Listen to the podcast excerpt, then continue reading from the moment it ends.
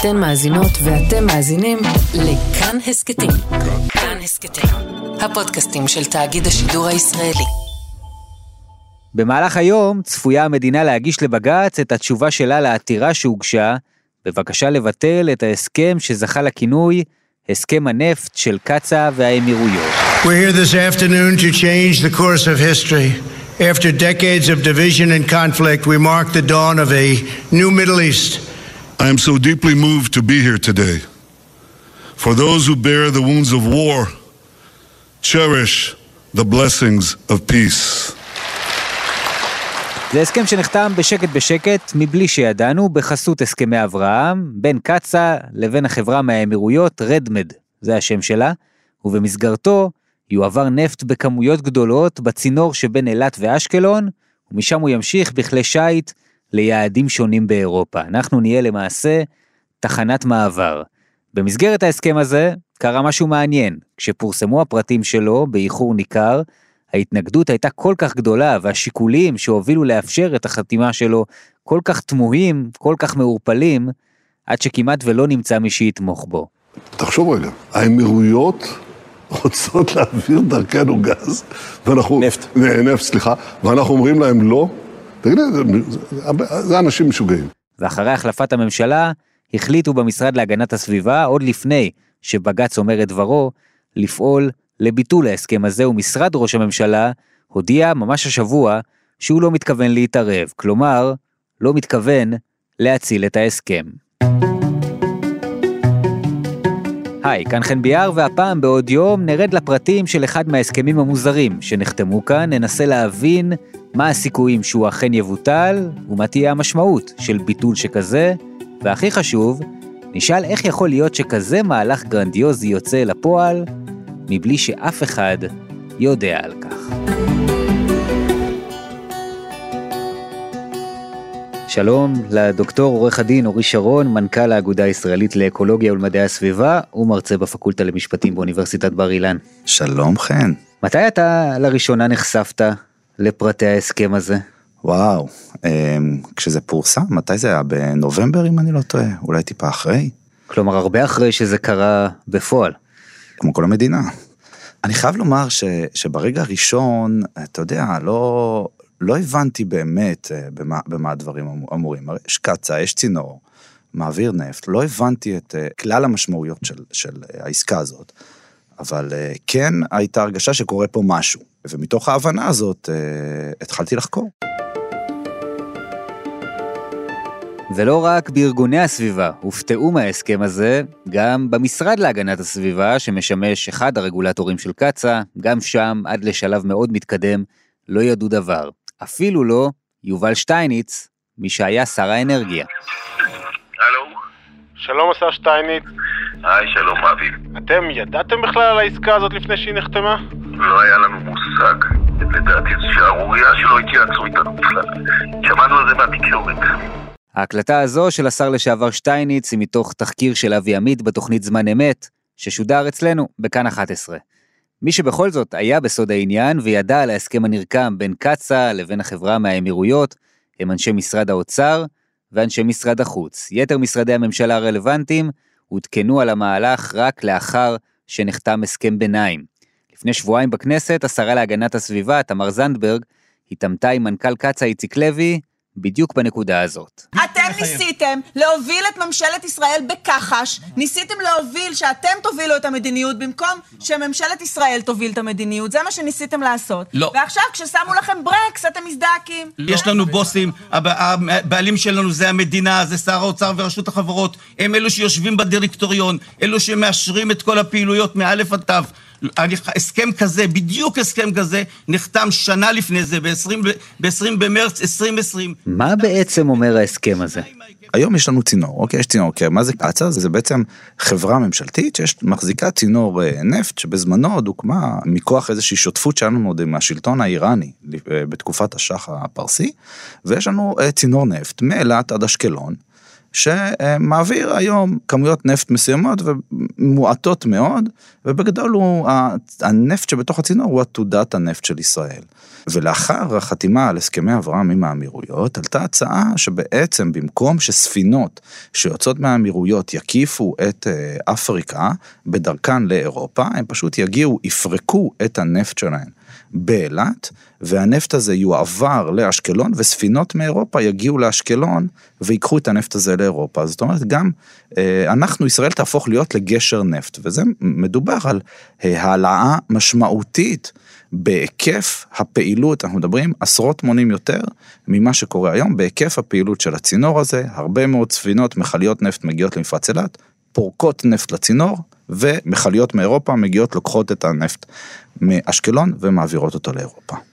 בעצם אנחנו נהיה מעין תחנת מעבר כזאת. אנחנו הופכים להיות, אה, תקרא לזה אוטוסטרדת הנפט של אה, המזרח התיכון, עבור האמירויות, תמורת פינאץ, אה, באמת פירורים. זאת אומרת, אנחנו לא מוכרים את הנפט הזה, אנחנו מקבלים, לפחות לפי פרסומים, מאחר ולא נתנו לי לקרוא את ההסכם, אז מדובר על כ-17 מיליון אה, דולר בשנה, הכנסה למדינת ישראל, דרך קצא"א שהיא חברה ממשלתית, שזה באמת גרושים. ומצד שני, אנחנו לוקחים על עצמנו את כל הסיכון. ואתם מפרסמים דוח שאני חייב להגיד, הוא מאוד אה, מטריד ואפילו מעט מפחיד שקוראים אותו. אמ, מאוד מטריד. באמת, כשהבנו שמשהו משהו גדול קורה כאן, ו, ו, וצריך להבין לעומק את, ה, את הסיפור שלו, כינסנו יחדיו 46 מומחים מתחומים שונים, וביקשנו בהם בעצם אה, לחוות את דעתם על הסיכונים מה, מההסכם הזה. והדוח שהתפרסם ביום ראשון פשוט אה, מטריד בכל קנה מידה.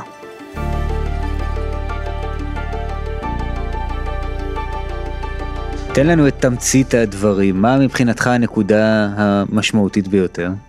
קודם כל, אה, צריך להבין שהסיכונים מהעסקה, בניגוד לאותו תזכיר סיכונים מאוד מאוד מצומצם, שחברה מקצועית עשתה עבור קצא"א לבקשת המשרד להגנת הסביבה, ש, שבאמת מבצע ממש מעט מאוד סיכונים למפרץ אילת, היקף הסיכונים מהעסקה הזאת הוא עצום.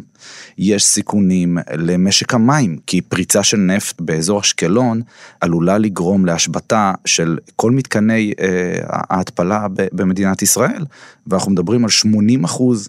מאספקת המים של המדינה היום, והצפי הוא שזה, האחוזים האלה רק ילכו ויעלו, זאת אומרת, אנחנו מדברים על שיתוק אפשרי של אה, כמה חודשים עד שנה באספקת המים למדינת ישראל. יש אה, סיכונים למערכת האקולוגית בים התיכון, אה, סיכונים מאוד משמעותיים לדגה, לכל המערכת אה, הימית באזור, ויש שם מערכת מאוד מאוד מפותחת, למרות שהרבה אנשים אולי לא יודעים את זה. סיכונים למערכת האקולוגית במפרץ אילת, לאלמוגים, לשונית האלמוגים המאוד מאוד ייחודית, אחת הייחודיות בעולם במפרץ אילת, לתיירות באילת, לתיירות החופית בישראל, למערכות אקולוגיות ושמורות טבע מאוד מאוד נדירות לאורך כל הקו, לאורך כל קו הנפט שבעצם מוביל נפט מאילת עד אשקלון, לבריאות הציבור, זאת אומרת, בהליך הזה נפלטים מזהמים, ואם אנחנו מדברים על הגדלה משמעותית בעקבות העסקה של תנועת הספינות, גם באילת וגם באשקלון, צריך לקחת בחשבון שהספינות האלה מזהמות מאוד, ויש לזה השפעה על איכות האוויר באילת ואשקלון, זאת אומרת, ואני רק מתחיל את הסיפור, זאת אומרת, אנחנו מדברים על סיכונים, מניפה של סיכונים שבכלל לא דנו בה עד עכשיו, בעלויות פוטנציאליות שנמדדות בעשרות רבות של מיליארדים של שקלים. עכשיו, אתה יודע, זה, זה, זה פשוט, אה, אני, אני לא יודע באיזה מילים להשתמש בשביל להסביר את זה אה, לציבור. נסה לחשוב על איזה מדינה מערבית מוכנה שיעבירו דרכה נפט שלא היא מוכרת ולא היא מרוויחה ממנו, שהציבור שלה יספוג את כל הסיכון מהתהליך הזה, ואנחנו יודעים, כל מי שמכיר את הפעילויות של תשתיות נפט יודע שזה אף פעם לא שאלה של האם תהיה תקלה, אלא שאלה של מתי. גם ההיסטוריה של קצא"א מלמדת על זה, 2014, התפרצות של הצינור של קצא"א. ערב טוב, אה, שלום רב לכם. אנחנו פותחים באסון הסביבתי הגדול בתולדות המדינה. שמורת הטבע בעברונה, שמצפון לאילת, הפכה לכתם שחור לאחר שמיליוני ליטרים של נפט גולמי זרמו מצינור קו הנפט שנפגע. אסון הנפט הקשה ביותר בהיסטוריה של מדינת ישראל, וזה רק אחד משורה של תקלות אה, נפט של קצא"א. ובמקרה הזה אפילו יותר מזה, כי יש אה, חוות דעת שאומרות שמראש הצינור הזה לא כשיר בכלל לשאת במשימה הזו, עוד לפני שאנחנו מדברים על תקלות שתמיד קורות בסיטואציות מהסוג הזה מתישהו. התשתית הזאת הוקמה בימי השח הפרסי. אוקיי, אז אוקיי, היא עודכנה מדי פעם, היא תוקנה מדי פעם, ואני רוצה לקחת אותך רגע לאסון, אה, בעשור שעבר, האסון הסביבתי הגדול ביותר בהיסטוריה העולמית, אסון BP במפרץ מקסיקו. The greatest oil spill in American history now covers 29,000 square miles, the size of South Carolina.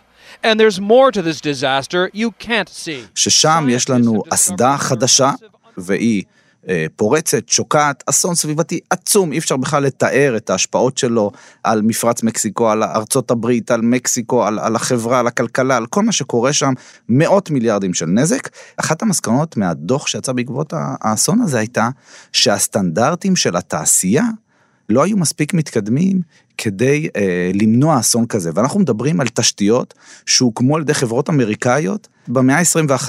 עכשיו, אנחנו רוצים להפוך אותנו לאוטוסטרדת נפט עבור האמירויות, בהתבסס על תשתית שהוקמה בימי השח הפרסי, באמת. הזמנו את קצה להתראיין, אבל הם העדיפו שלא.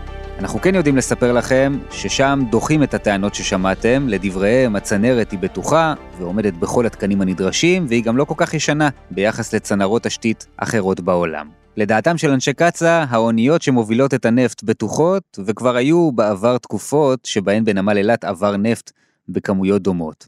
טענה נוספת שהעלה באותו דיון בכנסת מנכ"ל קצא"א איציק לוי, היא שלשינוי או לביטול של ההסכם, יהיו השלכות על משק האנרגיה הישראלי וגם השלכות דיפלומטיות ואסטרטגיות מול האמירויות ומול חברות במקומות אחרים בעולם שקצא"א עושה איתן עסקים. קצא"א במשך 50 אה, שנה, ובייחוד ב-20 שנה האחרונות, חתמה על עשרות הסכמים עם לקוחות זרים שאחסנו אצלי דלק. אף פעם, כולל באילת, אף פעם לא הגבלנו אף לקוח לאונייה 2, 8 או 19. הכל זה תוצאה מהסכמים מסחרים. ברגע שאנחנו נסגור את הברז ונגיד רק 6 אוניות, רק 8 אוניות, רק 2 מיליון טון וכולי וכולי, נגמר הסיפור. לא יהיה באילת דלק, המשמעות שלו היא קטסטרופית. אבל בניגוד למה שטוענים בקצא"א, מי שמעביר מסר מרגיע הם אנשי המכון למחקרי ביטחון לאומי. לשיטתם, הסיכון האסטרטגי והסביבתי הוא גדול לאין שיעור מהתועלת שיש בהסכמים האלה, וגם מהחשש מהאופן שבו ייתפס שינוי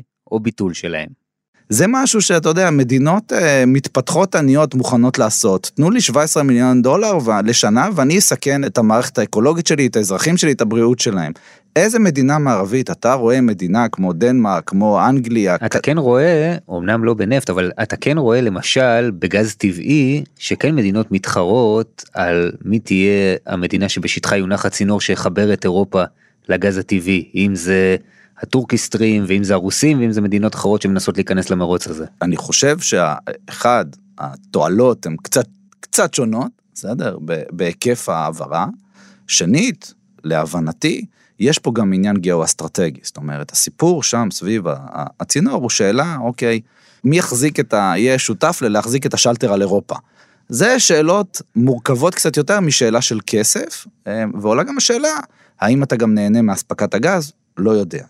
אנחנו במקרה הזה לא מדברים על איזושהי שליטה גיאו-אסטרטגית, להפך, לראייתי ולראיית, גם דרך אגב, ה-INSS, בסדר, המכון לביטחון לאומי, למחקרי ביטחון לאומי, דיבר על כך שהעסקה הזאת מסכנת את ישראל, היא לא תורמת לה, ואני גם חושב שמבחינה גיאו-אסטרטגית, העסקה הזאת בהחלט מרעה את מצבנו.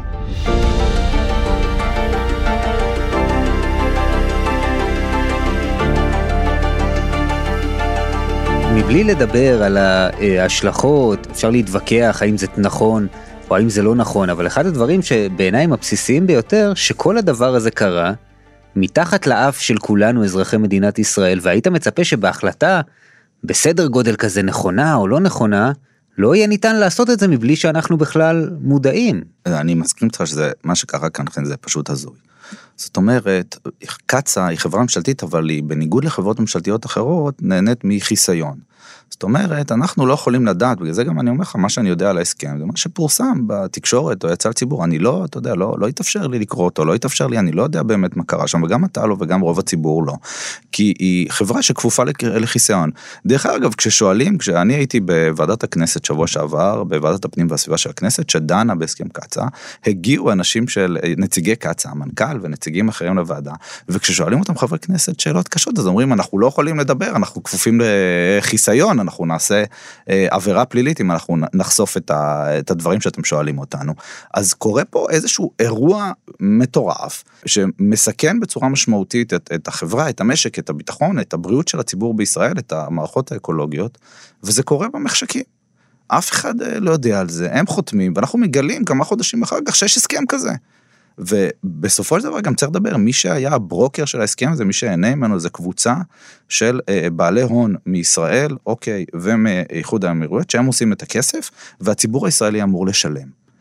ולא רק שהוא מושלם, הוא גם לא, לא יודע בדיוק אה, מה, מה הם נהנים, על מה הוא משלם. סוד, קבלו את זה. איך זה ייגמר, לדעתך? תראה, אני אה, איש סביבה, ואנשי סביבה חייבים להיות אופטימיים. כי אחרת, אתה יודע, איך היינו קיים בבוקר. אני אופטימי, כי בינתיים משרד הגנת הסביבה לא מאשר את זה. אמ, אבל זה בסופו של דבר שאלה של סבך אינטרסים, כי אם תתחלף השרה, אני לא יודע מה תהיה העמדה של המשרד להגנת הסביבה, אני מקווה שהיא תישאר אותו דבר.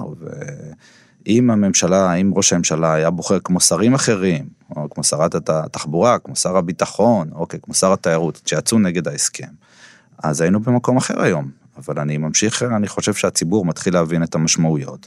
ובאמת, אני, אני חייב לומר ש... חוץ מקצא"א, אני מדבר על הנושא הזה עם הרבה אנשים, עוד לא פגשתי אף בן אדם שבא ואמר, ההסכם הזה טוב, אנחנו צריכים לקיים אותו.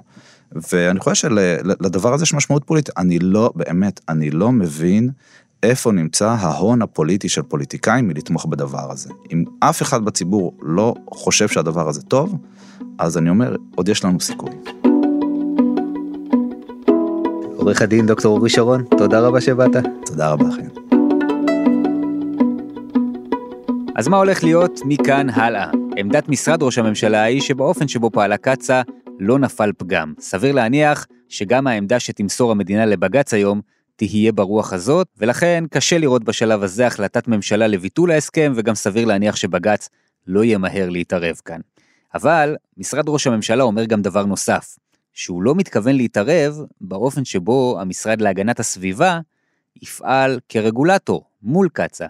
כלומר, אם המשרד להגנת הסביבה הולך למרר לקצא"א את החיים בכל דרך שיוכל בשלבי היישום של ההסכם, ראש הממשלה לא יפריע להם לעשות את זה.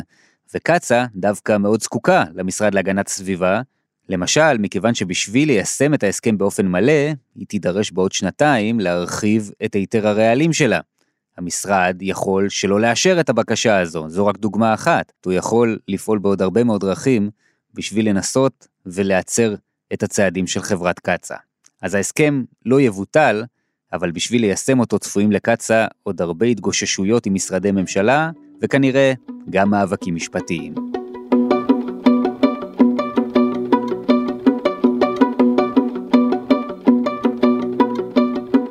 עד כאן הפרק הזה של עוד יום, העורך הוא דניאל אופיר, רחל רפאלי על עיצוב הקול והמיקס, רובי אוסנהולץ היה על הביצוע הטכני. שתפו את הפרק הזה אם היה לכם מעניין ותעירו לנו הערות בקבוצת הפודקאסטים שלנו, כאן הסכתים, או ישירות אליי, חן ביאר, בפייסבוק או בטוויטר. כל הפרקים שלנו וגם הסכתים נוספים מצוינים מבית כאן, תוכלו למצוא באפליקציית הפודקאסטים האהובה עליכם, באתר שלנו וגם בספוטיפיי. אני חן ביאר, נשתמע.